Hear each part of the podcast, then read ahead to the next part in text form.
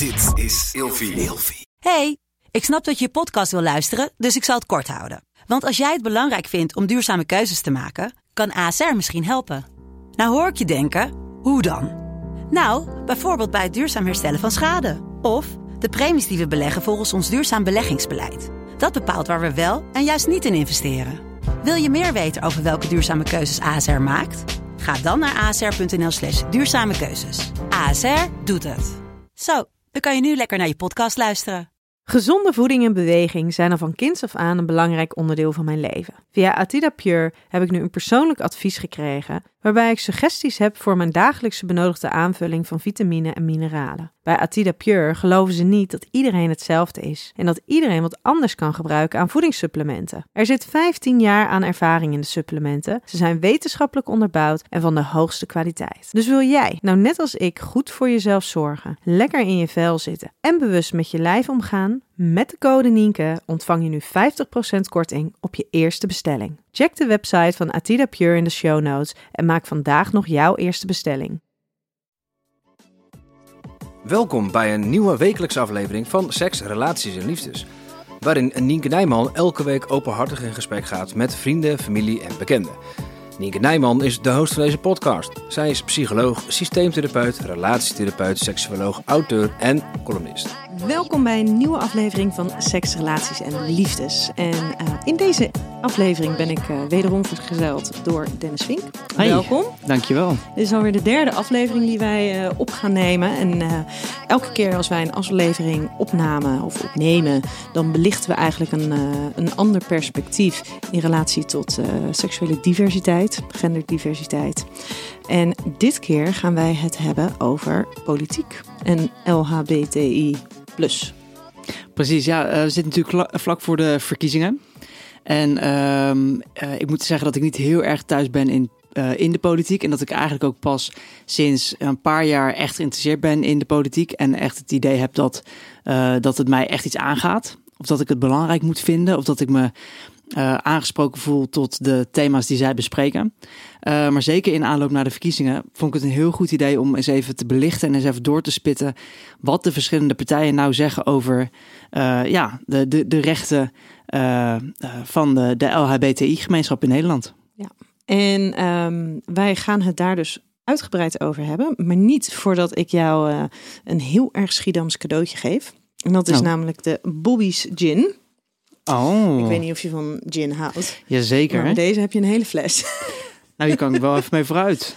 Tof. Nou, dat, dat, zal, dat zal nog vies tegenvallen hoor. Oh, het, ja. gaat, het gaat sneller dan dat je, dat je denkt. Meestal bij ons in huis. Maar dat, eh, Nou, superleuk, dankjewel. En ik heb deze voor jou. Ja. Mijn boek, De Relatie APK. Want Heel ik begreep dat jij die helemaal nog niet had. Nee, ik heb hem dus nog niet gelezen. En dat is eigenlijk wel een beetje gênant. Ik heb hier dus al, dit is al de derde keer dat ik hier met jou eh, zit. eh, in jouw podcast. En eh, we hebben het ook in de andere afleveringen van jouw podcast. komt hij heel vaak aan bod. Maar ik heb hem dus zelf nog nooit gelezen. En Schandalig. schandalig. En ik zit nu inmiddels ehm, eh, vijf, ruim vijf jaar in mijn eigen relatie. En eh, de eerste vijf jaar is eigenlijk alles helemaal op rolletjes gelopen. En het gaat nog steeds helemaal, helemaal goed. Maar zeker in de coronatijd, en dat, waar- waarin we toch al wat vaker op elkaars eh, lip zitten, merken we dat we de laatste tijd, we hebben het er ook, we lachen er ook wel een soort van om, dat we steeds vaker even botsen. Even Ja? knallen. Wat we de eerste vijf jaar nooit hebben gehad. Dus ik denk eigenlijk dat het tijd is voor een kleine APK. Ik eh, ben heel erg benieuwd. Dankjewel dus. Ik, Ja. ik, ik ga hem heel aandachtig bestuderen. En ik heb ook wat ver meegenomen. Ehm, want ja, ik, eh, je hebt het al een paar keer eh, heb je het al aangegeven. Ik eh, eh, eh, heb natuurlijk mijn eigen platform op Instagram, eh Plan-Based Dennis, die, die jij natuurlijk ook volgt. En daar, daarop deel, deel ik natuurlijk allerlei foodporn en recepten en vegan tips en hotspots. En ik krijg het natuurlijk ook ehm, ja, eigenlijk bijna dagelijks, maar in ieder geval meerdere keren per week hele mooie pakketten met allemaal lekkere taartjes en zoet, zoetigheden en lekkernijen en dat soort dingen. En dat deel ik dan. En je hebt al een paar keer aangegeven, oh Mhm. neem je het de volgende keer mee, neem je het de volgende Mhm. keer mee. Maar elke keer is het gewoon net niet wanneer ik naar jou toe moet komen, dat, dat ik iets de avond ervoor binnen heb gekregen bijvoorbeeld. Of is het net weer op? Heb ik het allemaal zelf weer opgevroot als eh, de echte vegan foodie eh, dat ik ben. Ehm, dus ik dacht, nou, vanuit Plan B Zennis probeer ik dan te regelen dat ik nu in ieder geval van alles mee mag, eh, mee kan nemen. Dus ik had geregeld dat we een red velvet cake zouden krijgen, en uh, cinnamon rolls, bananenbroden. Is gisteren helaas uh, de, degene die dat mee zou nemen voor mij, was helaas ziek. Dus je maakt me eigenlijk een beetje blij met een dooimus nu. Echt, ja. Dus ik, ik dacht, oh, ik kan nou toch niet zonder, uh, zonder, ja, zonder iets aankomen. Ik kan niet met lege handen aankomen, want op, op Plan bij Zennis deel ik nog steeds elke week van alles. En ja, dan net die ene keer, wanneer jij het echt wil, heb ik het weer niet. Dus ik ben toch nog even uh, langs een koffiezaakje bij mij eh, in de buurt uh, gereden, voordat ik hierheen kwam in Rotterdam. Ik ga nog niet zeggen wat, wat de naam is, had ik al bedacht, want... Wat we gaan eten heb ik nog niet eerder geproefd van dat koffiezaakje. Het is een van mijn favoriete zaakjes. En ze hebben allemaal lekkere dingen, maar deze is nieuw. Dus ik dacht, als we het zo meteen gaan eten en ik, en ik geef je er een en het is heel vies, wil ik niet de naam genoemd hebben. Maar ik heb meegenomen een uh, pecan caramelized uh, shortbread dat klinkt alsof het heel gezond is. Ja, dat denk ik wel. Maar, maar vegan is toch altijd heel gezond? Nee, dat is dus echt een illusie. Dat is, uh, dat is ook wat ik uh, wil laten zien op Plan Based Dennis. Ja. Ik uh, geef heel veel informatie ook over inderdaad gezondheid. Um, het is gezond in de lange termijn in de zin dat het je kans op... ja, maar ook op je kans op kanker, hart- en vaatziekten, diabetes, longziekte cognitieve ziekte, van alles uh, verlaagt het echt drastisch. Dat weten we al heel lang. Um, dat probeer ik allemaal te delen. Maar ik probeer ook heel erg te laten zien dat het zeker niet. Want alles is er vegan tegenwoordig. Uh, dat probeer ik ook juist te laten zien als een echte vegan foodie. Uh, ik eet pizza, burgers, koekjes.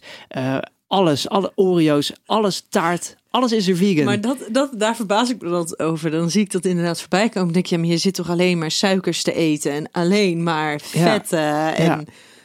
ja, dat, probeer, dat, dat, dat hoort er bij mij echt bij. Ik ja. ben echt een, uh, echt een foodie en uh, dat, dat moet ook kunnen, vind ik. Dat is dus voor mij een heel belangrijk onderdeel van, uh, van mijn leven en dus van de content op uh, Plan B. Um, maar ondertussen ben ik ook natuurlijk een onwijze fit girl.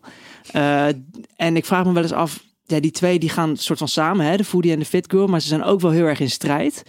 Maar ik vraag me wel eens af, waarom ben ik die fit girl? Ben ik niet misschien ook heel erg die fit girl, zodat ik weer extra de foodie kan uithangen? Want ja, als ik alleen compensatie. Precies, als ja. ik alleen maar die foodie zou uithangen, dan zou het, uh, dan zou ik heel erg uitdijen, heel snel. Zou ook, zou ook prima zijn.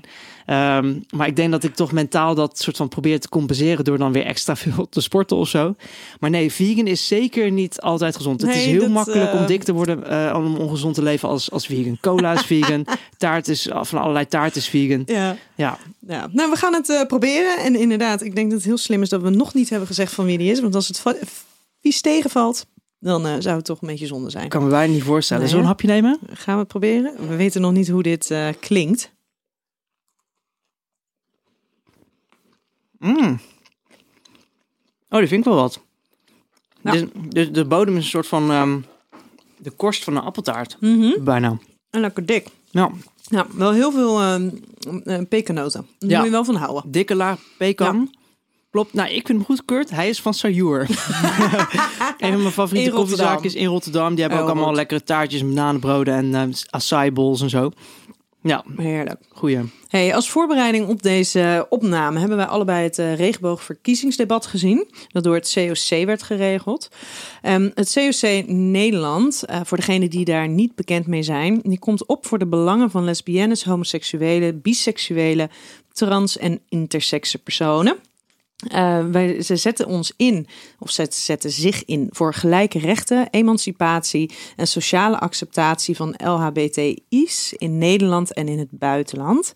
En ze streven naar een diverse en inclusieve wereld waar mensen zich in hun volle potentieel kunnen ontwikkelen, ongeacht hun seksuele oriëntatie, genderidentiteit of expressie en geslachtskenmerken. Een hele mond vol, yes. maar zeker voor degenen die uh, COC niet kennen en wellicht wel uh, uh, gebruik willen maken van hen of daar een plekje kunnen vinden, dan denk ik wel dat het belangrijk is dat men weet wat het is en wat zij doen. Hey, maar wat is jouw eerste reactie geweest op dat verkiezingsdebat? Nou, eigenlijk. Um vond ik dat het natuurlijk heel erg ging om de CDA. Uh, want eigenlijk zijn uh, de, de meeste partijen die aanwezig waren, niet alle partijen waren op de uitnodiging ingegaan. Wat natuurlijk op zichzelf ook kan, ehm, kan worden gezien als een, als een statement. Ehm, maar vanuit de, de hoek die over het algemeen minder zich minder inzet voor LHBTI-rechten of, of uh, het stemgedrag in ieder geval dat laat zien, uh, was de CDA natuurlijk een beetje de partij die, uh, die zich moest verantwoorden. En uh, aan wie werd gevraagd van goh, gaan we, gaan we deze, uh, gaan, we, gaan we in het volgende kabinet, gaan we nu wel echt iets, iets veranderen. Die dingen die al jaren worden geroepen en die al jaren worden beloofd. Um, maar wat, wat, waar ook wel kaart aan gewerkt wordt, maar wat steeds net niet helemaal wordt geregeld, gaat dat nu wel gebeuren. En dan gaan we ook een ander uh, stemgedrag zien vanuit de CDA. Want ook als je kijkt naar hoe de, hoe de CDA op heel veel um, uh, ja, uh, moties heeft, heeft, ja. heeft, heeft gestemd, was dat zeker niet altijd de partij die, die zorgde voor de versnelling. Nee, en wat dan bijzonder is, alle politieke partijen worden door het COC uitgenodigd. Um, en ze mogen daaraan deelnemen. Het is niet verplicht. Maar het idee is wel dat op basis van de, uh, nou ja, de stellingen, de moties die daarin worden voorgelegd. En daar waar alle partijen een akkoord op geven. Dat dat samengebundeld wordt in het zogeheten regenboogakkoord. En dat wordt dan voorgelegd um, om, om daar daadwerkelijk actie in te ondernemen binnen de politiek. Um, op die manier zijn er natuurlijk een heleboel dingen al wel bereikt. Hè. We hebben het lesbisch ouderschap, uh, het homohuwelijk, er is een transgenderwet. Dus het is niet zo dat er helemaal niks gebeurt.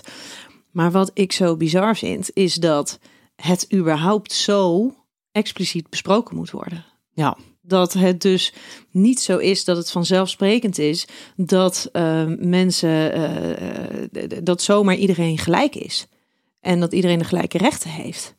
Ja, anno 2021. En uh, er zijn natuurlijk een paar partijen die daar heel erg uh, het tegengeluid in, in laten horen nog steeds. Als we het dan bijvoorbeeld he hebben over uh, wat natuurlijk ook in, de, in de aanloop naar deze verkiezingen weer heel groot in, in het nieuws is geweest en in de media.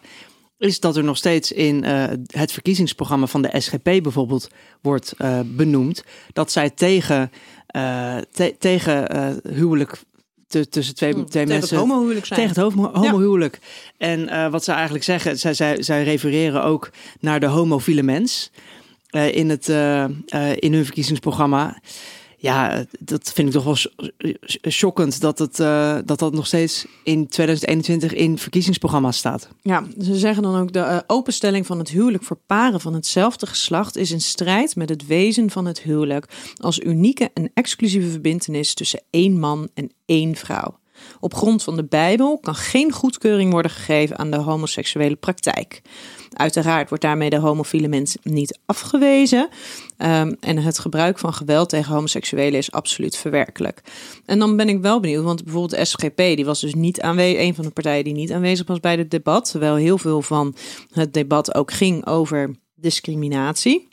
Dan denk ik, oké, maar ze maken daar dus wel een statement van. Maar kennelijk vinden ze het niet belangrijk genoeg dat er daadwerkelijk ook actie op wordt ondernomen. Ja, ik vond dat ook wel heel bijzonder. En ook als je kijkt naar het stemgedrag uh, van, van de SGP en waar zij, waar zij uh, zich over uitspreken, um, is dat, um, uh, dat zij wel bijvoorbeeld zeggen dat, dat discriminatie en geweld tegen, nee, dat, dat geweld tegen LBTI'ers, dat dat hard moet worden aangepakt en dat dat, dat moet worden bestraft. Um, maar dat ze alsnog het gedrag afkeuren. En dat is natuurlijk de laatste tijd ook weer heel erg veel in de media geweest uh, naar aanleiding van uh, Boos met Tim Hofman. Um, als ik het me goed herinner, vroeg hij aan iemand in Goes in de Bijbel belt van goh, maar als je hier dan een vriendje hebt, hè, als jongen, als je een vriendje hebt, je loopt hand in hand over straat, mag dat dan? En dat die persoon, was het een uh, iemand van de kerk of, of de burgemeester, ik weet het niet meer, dat kan me niet voorstellen, volgens mij iemand van de kerk, dat diegene zei, nou je mag hier wel homo zijn, maar je mag hier niet homo doen. Um, en dat daar de grens ligt. En dat zie je ook eigenlijk in, aan het stemgedrag van de SGP. Dat zij zeggen, ja, je mag er zijn. Um, en en, en, en, en uh, geweld tegen ieder mens of ieder, ja, tegen ieder mens is, uh, is verkeerd en, en, mag niet worden goedgekeurd. Maar als homoseksuele of, of als homofiele mens uh, mag jij, ja, dat, mag je je daar niet naar gedragen. En wat, wat vond jij dan van het van het verkiezingsdebat? Tenenkrommend. Ja? Ja, Vertel. echt tenenkrommend. En dan behoor ik dus nog niet eens, zeg maar, zelf als persoon tot die LHBTI-gemeenschap. Ehm, maar ik heb er natuurlijk wel heel veel mee te maken. Ehm, maar ik vond echt tenenkrommend. Ik vond dat het een hele witte, heterogene ehm, representatie gaf. En ook degene die daar dus stonden van de verschillende partijen. En dan hebben we wel natuurlijk Rob Jetten. Maar dat is nog steeds een witte man en hoog opgeleid. Ehm, en Lia- Liane Den Haan eh, van 50 plus, die is oud-voorzitter van het COC. Dus daar, die hebben we niet heel, en dat vond ik wel jammer, want die is niet heel veel aan het woord geweest. Maar daarvan kan ik me dan nog wel voorstellen dat die nog wat meer affiniteit heeft met, met dit onderwerp. Ja. En waar ik heel erg tegenaan liep, was dat er heel weinig inlevingsvermogen was. Dus dan werd er wel, ehm, eh, als er dan, er werden ook eh, persoonlijke verhalen verteld van, van slachtoffers van geweld. Of ehm, een, een stel wat heel graag een meer ouderschapswet wilde hebben, omdat zij met z'n drieën het ouderschap delen. Ehm, en dan werd er dus gezegd, heel rationeel, heel politiek correct, van ik vind het heel hè, wat dapper dat deze mensen hun verhaal durven te delen. Maar het was zo niet menselijk, Ja, zo geen inlevingsvermogen en er waren eigenlijk helemaal geen authentieke emoties. En wat vond jij van de, van de antwoorden die eh Wopke Hoek- Hoekstra eh, steeds gaf? Want heel veel vragen en heel veel een beetje de aanvallen waren natuurlijk erg op hem Mhm. gericht vanuit de CDA. Omdat hè, vanwege de, de geschiedenis van het, van het CDA en waar zij in het verleden voor en tegen hebben gestemd. Wat vond jij van, van zijn antwoorden? Ehm, heel politiek correct. Ja, dat kan niet wel goed. Ja, heel, ja, wat dat betreft is hij natuurlijk gewoon een politicus. En is dat natuurlijk ook wat hij, wat hij dient te doen. Maar als het dan over zo'n onderwerp gaat, ehm, denk ik dat je daar toch iets, iets, ja, iets meer menselijkheid, iets meer authentiek. En dat hij er eigenlijk te makkelijk mee weg probeerde te komen. En dat lieten de anderen dus niet helemaal toe, want die gingen daarop in. eh, met de antwoorden die hij gaf. Nou, Eh, wat ik wel vond, op een gegeven moment gingen ze hem een beetje aanvallen op hoe het eh, de afgelopen zoveel jaren is geweest. Ja, daar is hij natuurlijk niet verantwoordelijk voor geweest. En nu representeert hij wel een partij. Ehm, dus ja, hè, dat, ik snap het ergens ook wel. Maar hij zegt wel dat hij een verandering wil gaan brengen. En alle partijen komen natuurlijk vanuit een bepaalde hoek, met een Ja. bepaalde overtuiging. En ik snap dus wel dat dit iets is, ehm, een onderwerp is waar wij aan zij het moeilijk vinden of lastig vinden om alsmaar eh, heel overtuigend ja te zeggen. Eh, maar ik vind vanuit hen, dus vanuit hem, vanuit zijn perspectief, kan ik me voorstellen dat dat lastig is en dat hij het nu heeft gedaan naar, naar, naar de, het best van zijn kunnen. Ja. Maar ehm, vanuit mijn perspectief denk ik ook, jeetje. Zeg gewoon ja, ga hier gewoon voor. Weet dat dit nodig is. En in hoeverre hebben we het hier over opties? Of zijn we niet gewoon verplicht om iedereen een veilig thuis te geven?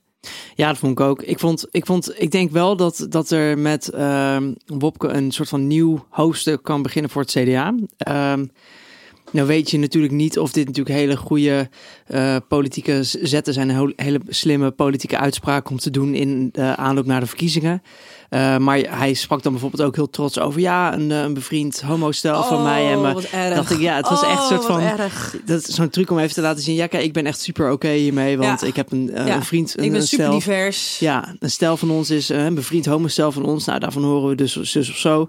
En hij probeerde dat- het dan ook een, een enigszins persoonlijk te maken... als het dan bijvoorbeeld ging over de medische kant ervan. Van, van Ja, bijvoorbeeld... Want zijn vrouw is huisarts. Dus En mijn, en mijn, mijn vader is, of eh, ik ben eh, de zoon van, eh, van een arts en mijn vrouw is huisarts. huisarts dus ik, hè, ik, ik, we hebben het hier veel over.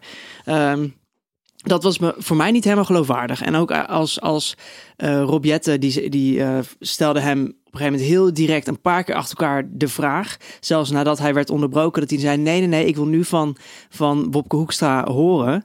En, en de kijkers, alle kijkers willen nu van eh, Hoekstra horen of er met Hoekstra een, een nieuw CDA is. En of we met, eh, met de CDA een nieuwe koers kunnen gaan varen op gebied van LBTI-rechten. En dat vond ik heel tof.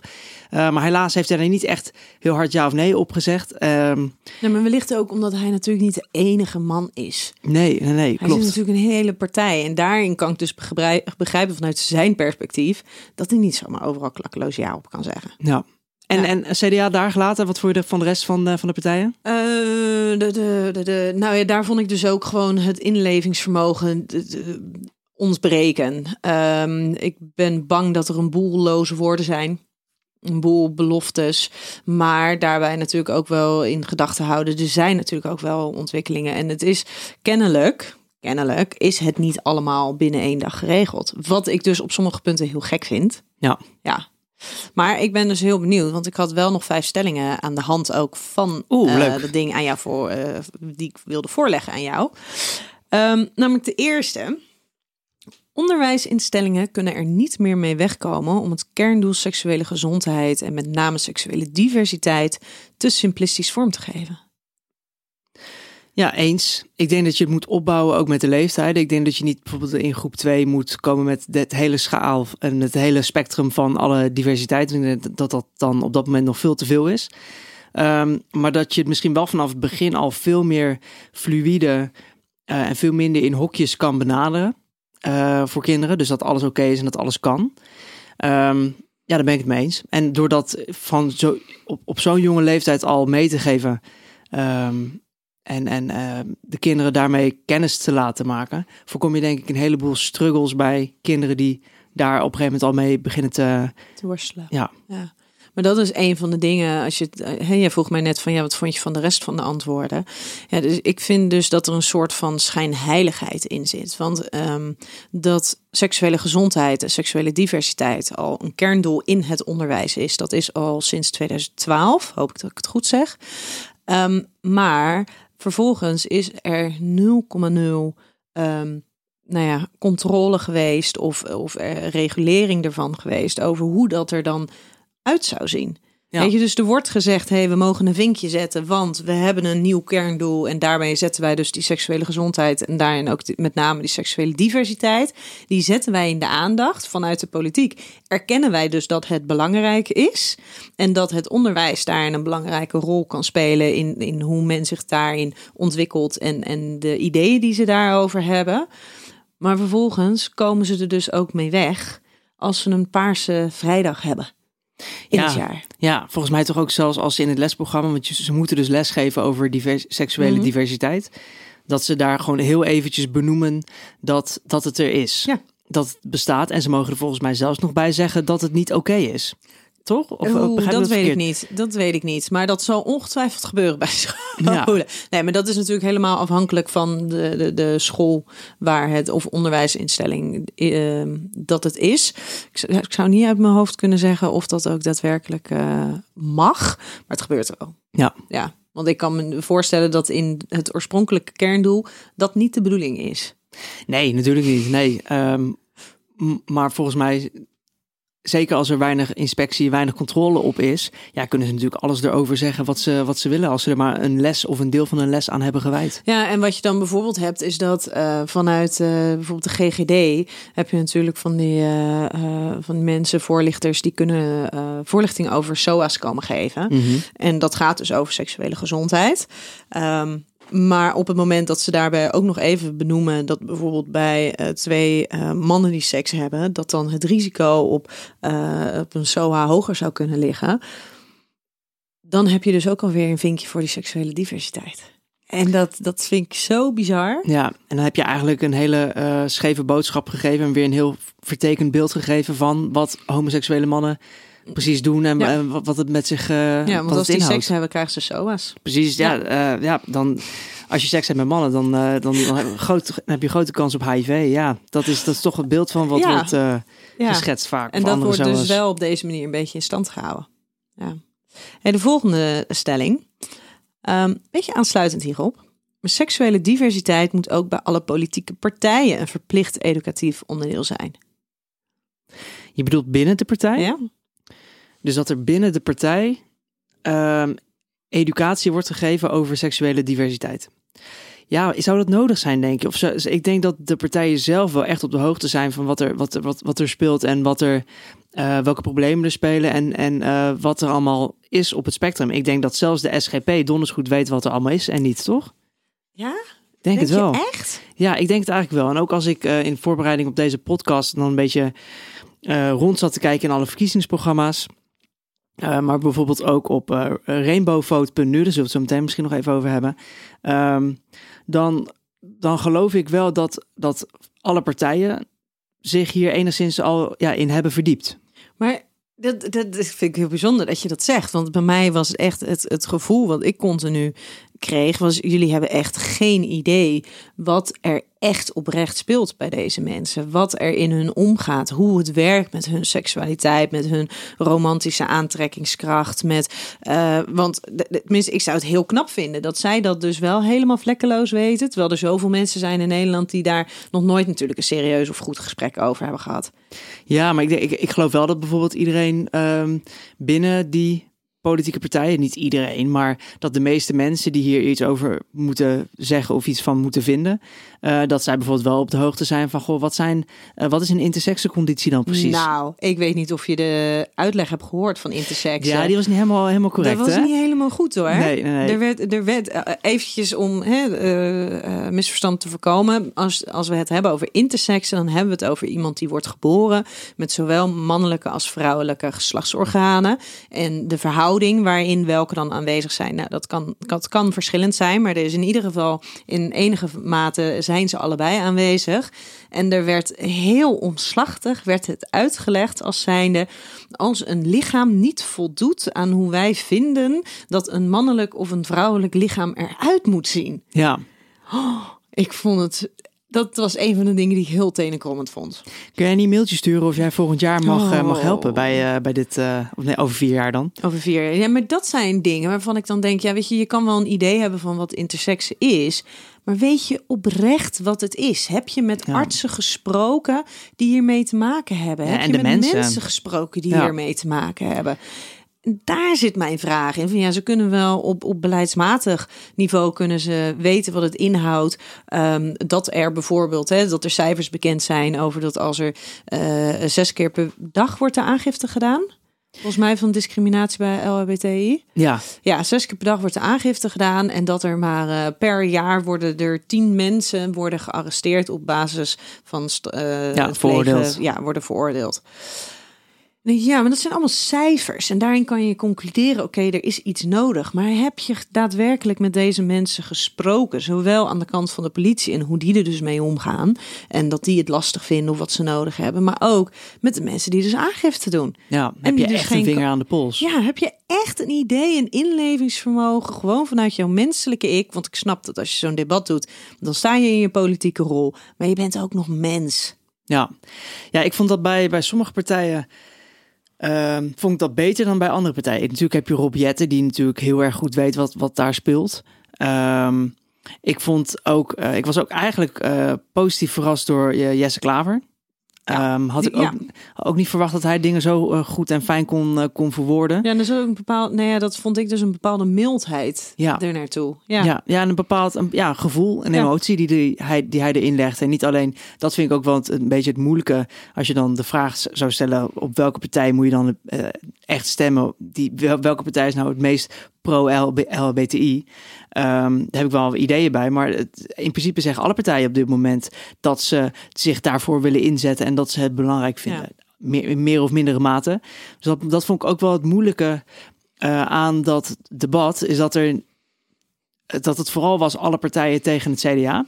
Ja. En, eh, en tussen de andere partijen was het moeilijk om vanuit dat debat echt onderscheid te maken. ja. Dus het is meer van je weet welke partij waar er overeenstemming zit. Ja.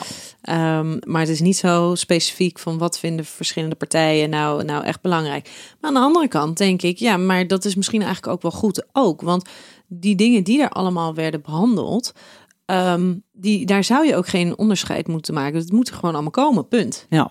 Eigenlijk. Dan vraag ik me ook af, dat, dat zijn allemaal dingen dus waar iedereen het over eens was. Dus, dus dan denk je, nou, dat wordt dan sowieso geregeld de komende paar jaar. Ja, mits het juridisch mogelijk is. Want dan heb je Ja. bijvoorbeeld met het meerouderschapsplan. Oh ja.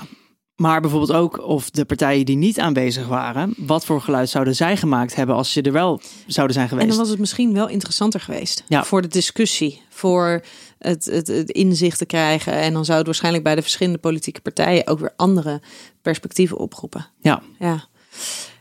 De derde stelling. Iedereen in Nederland is gelijk.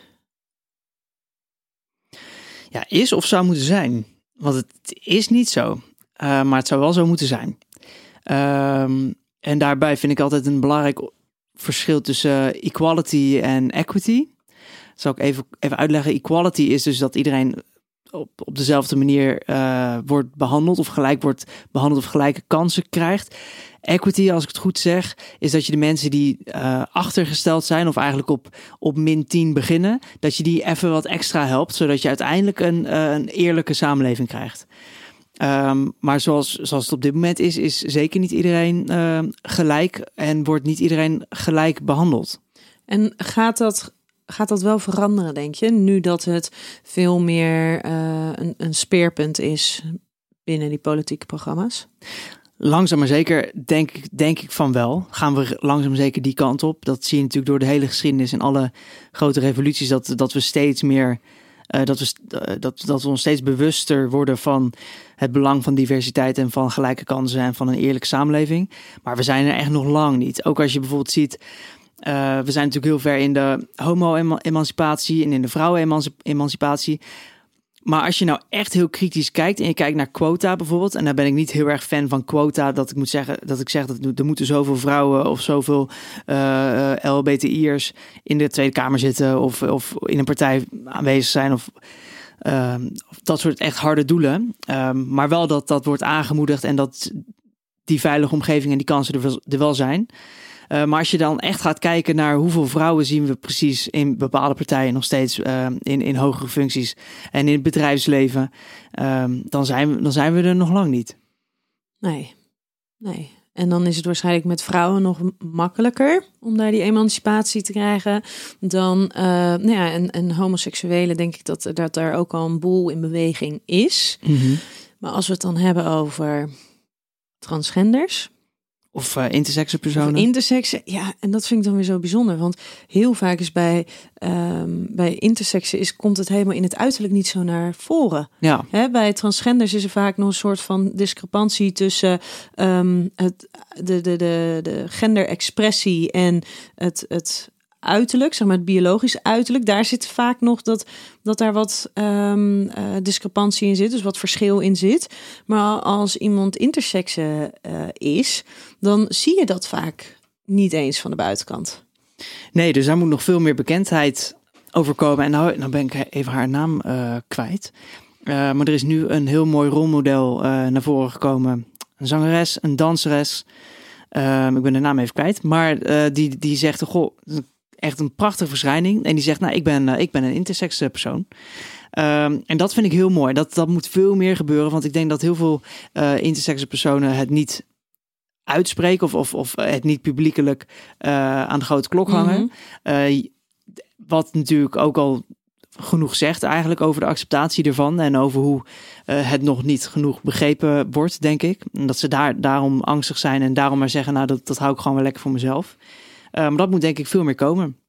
Wat vond jij trouwens, dat ben ik ook wel heel benieuwd naar, uh, van die discussie over uh, of ouders die een uh, intersexe of een, een baby mm. krijgen met een intersexe conditie, mm -hmm.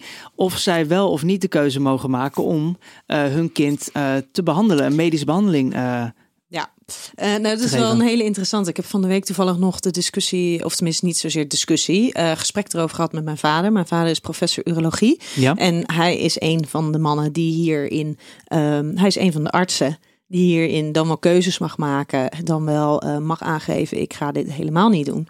Dus hij is daar, uh, is daar ook bij betrokken geweest. En het is dus iets wat heel complex is.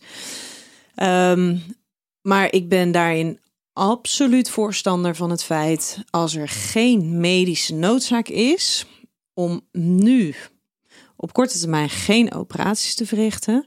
Om te kijken hoe een kind zich ontwikkelt. En moet je niet vergissen, de eerste drie jaar van een leven, van zo'n zo'n kinderleven, is een kindje zich helemaal niet zo bewust van ben ik nou een jongen, ben ik nou een meisje. Het gaat nog niet naar zwemles. Het heeft nog niet heel veel andere lijven waar het naar kan kijken en, en vergelijkingen mee kan doen.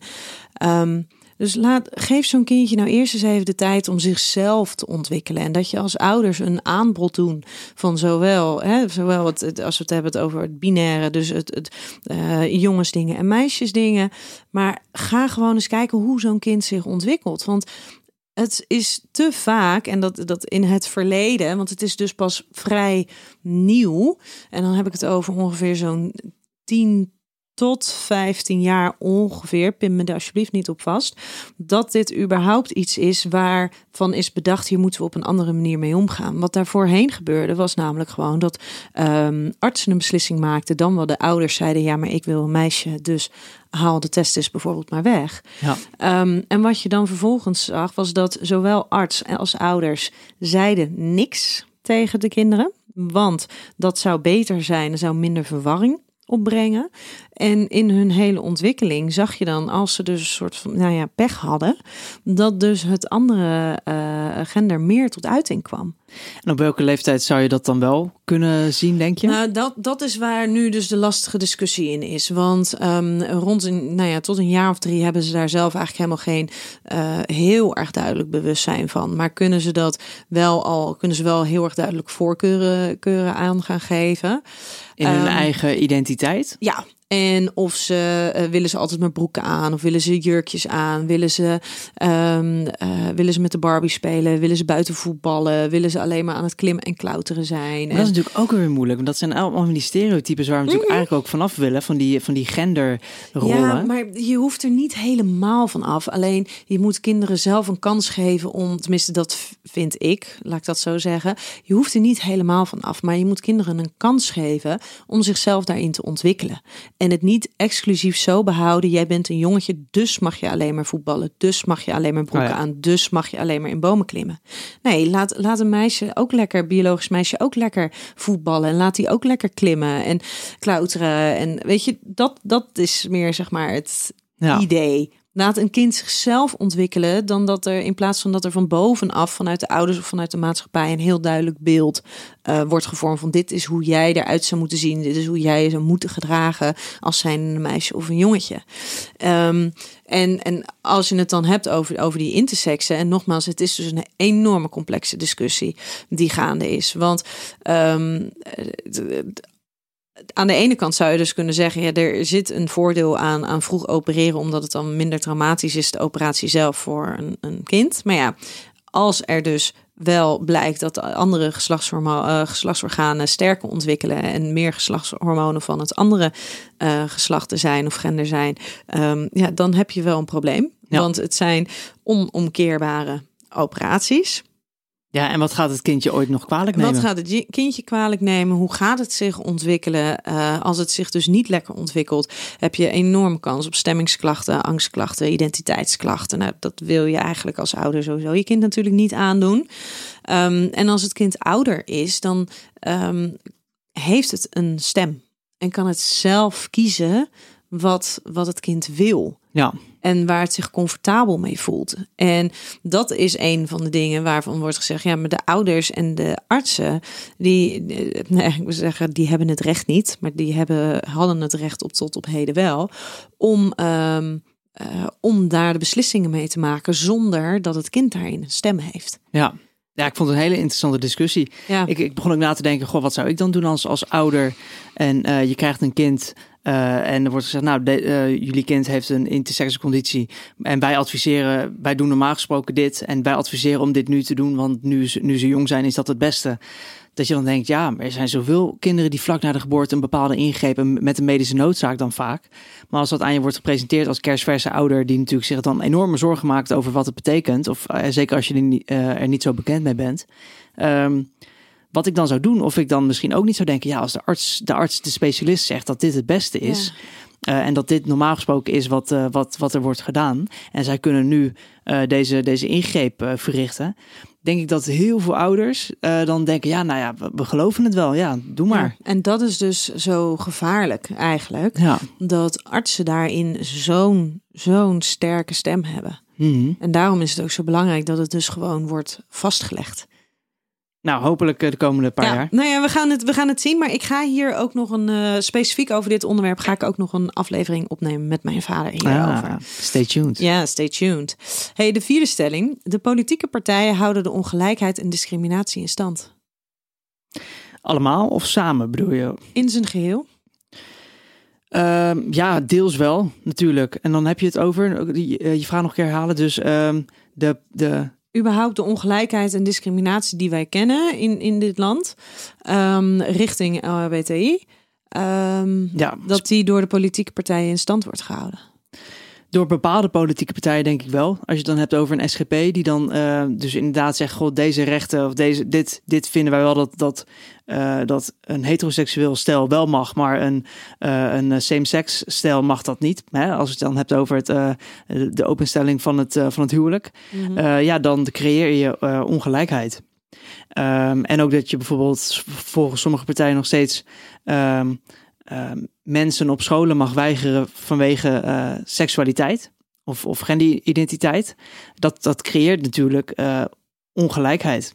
Wat, uh, wat natuurlijk ook een heel veel gevoerd discussiepunt is, um, veel besproken, is dat er eigenlijk twee artikelen in de grondwet met elkaar in strijd zijn. De, vrijheid van onderwijs, uh, waarin wordt gezegd: oké, okay, je, je, bent helemaal vrij om je onderwijs zo in te richten en daarin te vertellen wat je wil.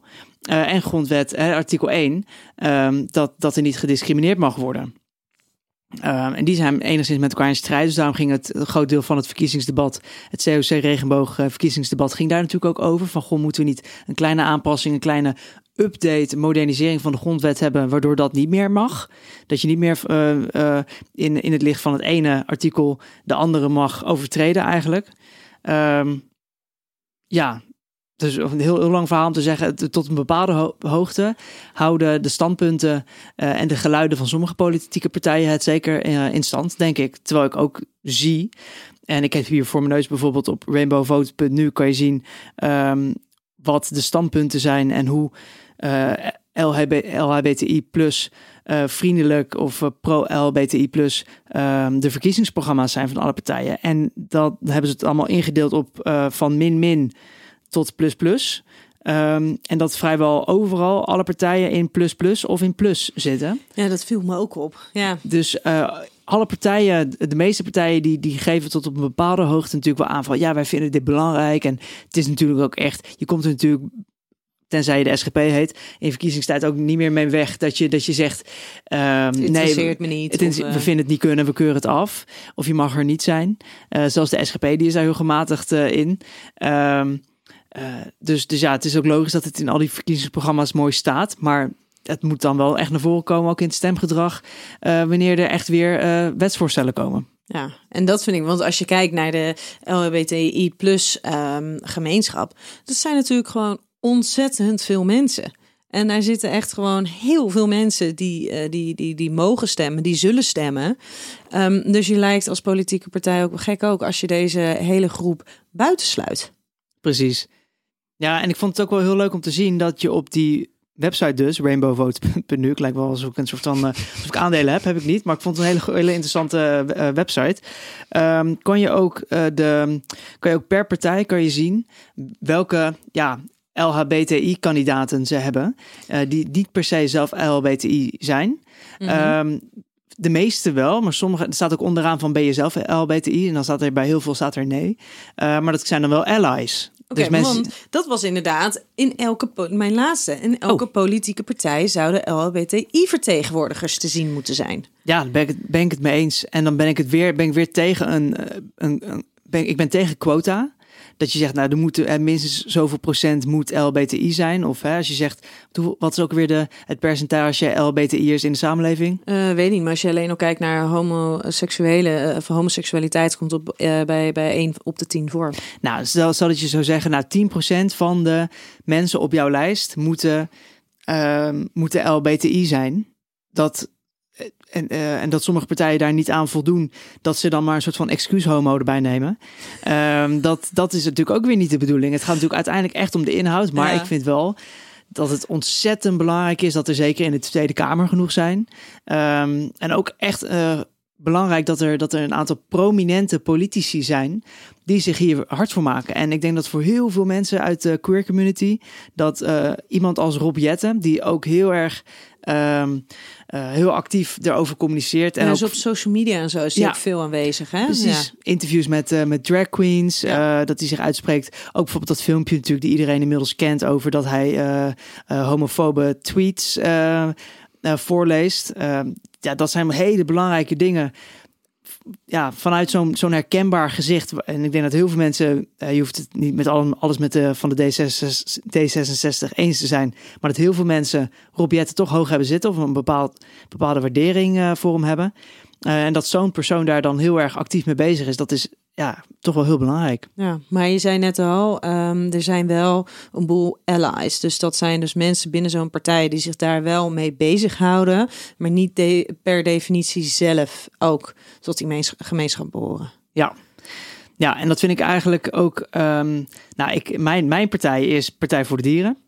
Um, verrassend. Verrassend, ja. En dat is eigenlijk omdat ik, ik heb daar heel, heel recent ook een heel uh, uh, verhaal over, over opgehouden en posts over gedaan op, op Plan B Zennis. Uh, maar dat is omdat zij, wat mij betreft, echt de meest inclusieve partij zijn. Maar die hebben dus ook bijvoorbeeld Liane Den Haan, als ik het zo goed zeg. En zij is dus ook voormalig voorzitter van COC, COC geweest. Oh ja. Ja, ja nou dat is dan, dat laat dat.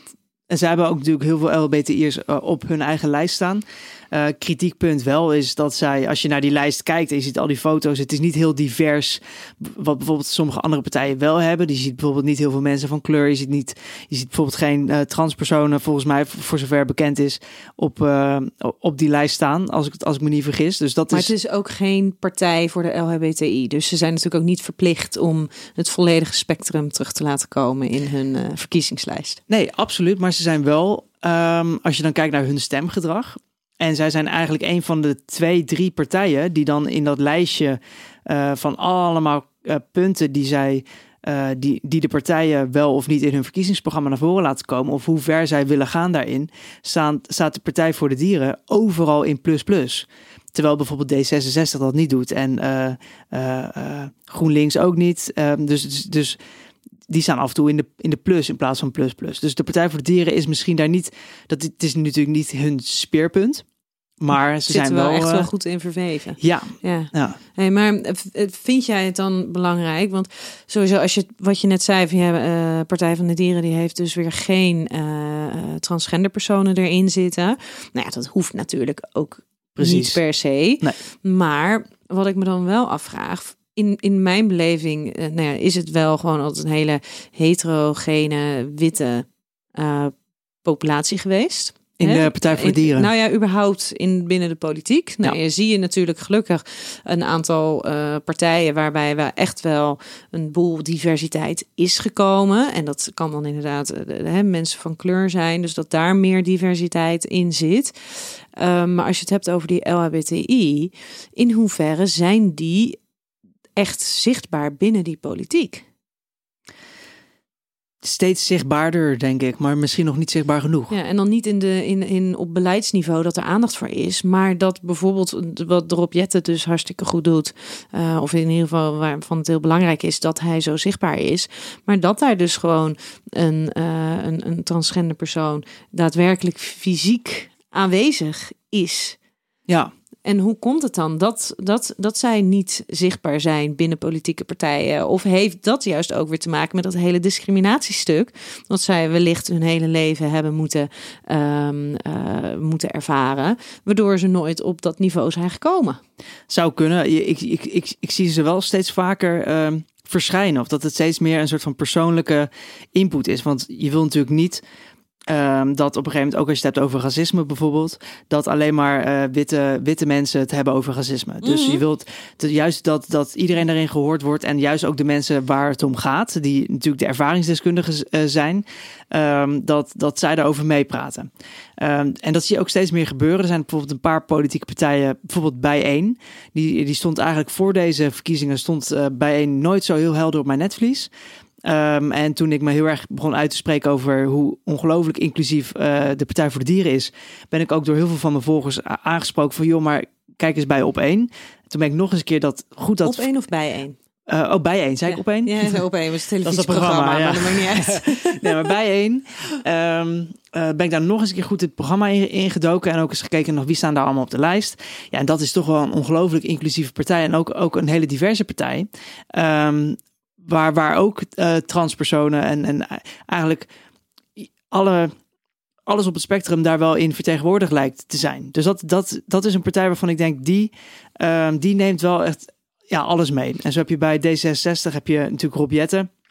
Heel veel LHBTI'ers sowieso op de lijst. Er is er eentje die ook echt mijn aandacht greep. En dat is voor- vooral omdat zij ehm, een eh, Juicy Weekend eh, Instagram takeover mocht doen van de Lomo. Dat heb ik ook een, eh, een keer mogen doen een tijdje terug. Sindsdien hou ik het altijd in de gaten. Vind ik altijd leuk wat andere mensen ervan maken. Eh, Carlina heet ze. En ze staat niet heel hoog op de lijst. Volgens mij ergens in de nummer 25 of zo. Ehm, dus de kans dat ze in de Tweede Kamer komt is niet heel groot. Maar ze doet daar wel heel erg haar best voor om hè, voorkeurstemmen ehm, te werven. En zij is een. eh, zij identificeert zich volgens mij als een cisgender eh, vrouw. Ehm, en, zij, en haar partner is een trans man. En daar vertelt ze heel veel over. En ook in haar Juicy Weekend eh, takeover van de Lomo eh, heeft ze er heel veel over verteld. En is ook haar partner heel veel in beeld gekomen. Echt, het is echt fantastisch stijl om naar te kijken. Ze zijn heel muzikaal ook met z'n tweeën. Het is echt een genot om, om naar te kijken. Maar als zo iemand meepraat in de discussie. Zij is dan misschien zelf niet een transpersoon. Maar zij is dan wel ook eh, onderdeel van de queer community. En het is veel geloofwaardiger. Veel geloofwaardiger. Zij ziet ook bij haar partner wat. Hè, zij hoort natuurlijk van haar partner wat dan echt de, de punten zijn waar het knelt nog in Nederland. En zij kan daar echt over meepraten. Ja. ja, maar dat is inderdaad in mijn beleving echt nodig. Ja, Dat mensen zijn die er echt ehm, affiniteit mee hebben. Die dus echt weten en, en voelen hoe, hoe het is en wat er nodig is. ja. Hey, en voel jij jezelf dan wel vrienden van jou gerepresenteerd in dat debat?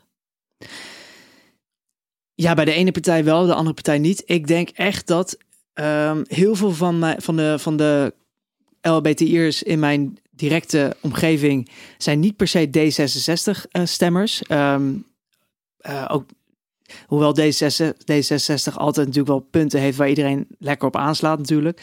Ehm, maar dat bijna iedereen wel heel erg blij was met iemand als Rob Jetten. En dat dat, dat, zo, dat dat toch wel bijzonder is dat dat zo belangrijk kan zijn dat er dan één iemand, één fractieleider, partijleider, ehm, eh, openlijk homoseksueel, zoals dat constant overal werd benadrukt. En dat was natuurlijk heel erg vervelend dat dat zo, zo over de top werd benadrukt. Want die zegt ook niet, nou, maar Mark Rutte, Ja. openlijk he- heteroseksueel. Single, heteroseksueel. Ja, bijvoorbeeld. Ja, totaal niet. Ehm, maar dat het toch wel, dat toch wel een beetje daar de aandacht op kwam te liggen. Van kijk, hey, kijk iedereen. Kijk eens wat een goede politicus. Kijk eens wat, hoe, hoe hij zich staande houdt. En wat een eh, wat we op zo'n jonge leeftijd al zo'n eh, dat hij zich zo staande weet te houden tussen al die eh, mega ervaren politici. Mhm. Hij is natuurlijk ook niet van gisteren. Ehm, maar dat dat toch een soort van voorbeeldfunctie Ja. is. En ook, en ook dat dat een soort van rust geeft van oké, onze eh, belangen worden in ieder geval door hem eh, Gerepresenteerd. ja, en verdedigd. En zal dat dan ook maken, hè? want er zat inderdaad ook een bepaalde mildheid in dat debat. En, en inderdaad richting de CDA, daar naar, naar Wopke Hoekstra, die werd wel even uitgedaagd en aan, aan de tand gevoeld. Ja. Ehm, maar de rest was inderdaad eigenlijk heel erg, heel erg mild daarin.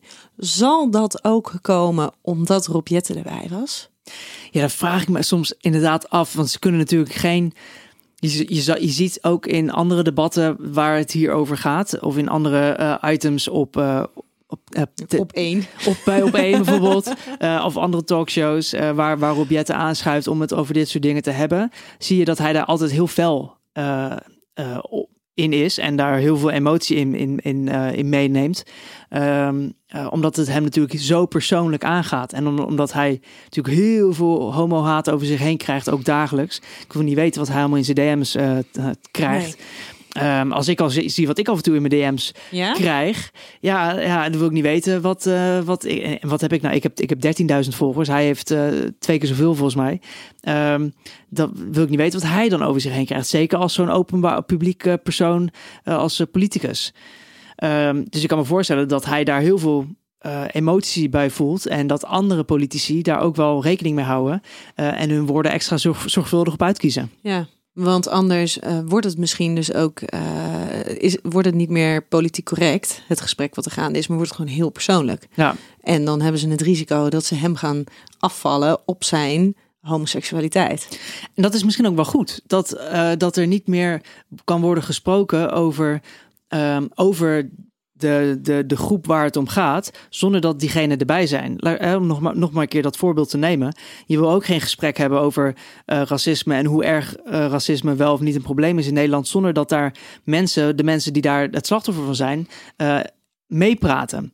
Want daarmee voorkom je ook dat, dat, dat politici zich er misschien te makkelijk vanaf kunnen, kunnen doen. Ja. Of dat ze, dat ze dat ze wel even twee keer nadenken voordat ze uitdrukken dat, dat ze het eigenlijk niet zo'n probleem vinden. Of dat ze eigenlijk denken dat we, dat we er wel zijn. Ja, nee, daar ben ik helemaal met jou eens.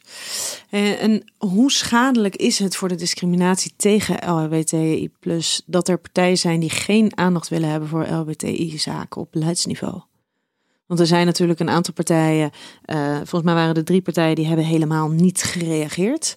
Er zijn twee of drie partijen geweest die hebben bedankt, dus die hebben wel gereageerd, maar die hoefden er niet bij te zijn. Mm -hmm. um, hoe schadelijk is dat voor het in stand houden van het stigma wat er is, van de discriminatie?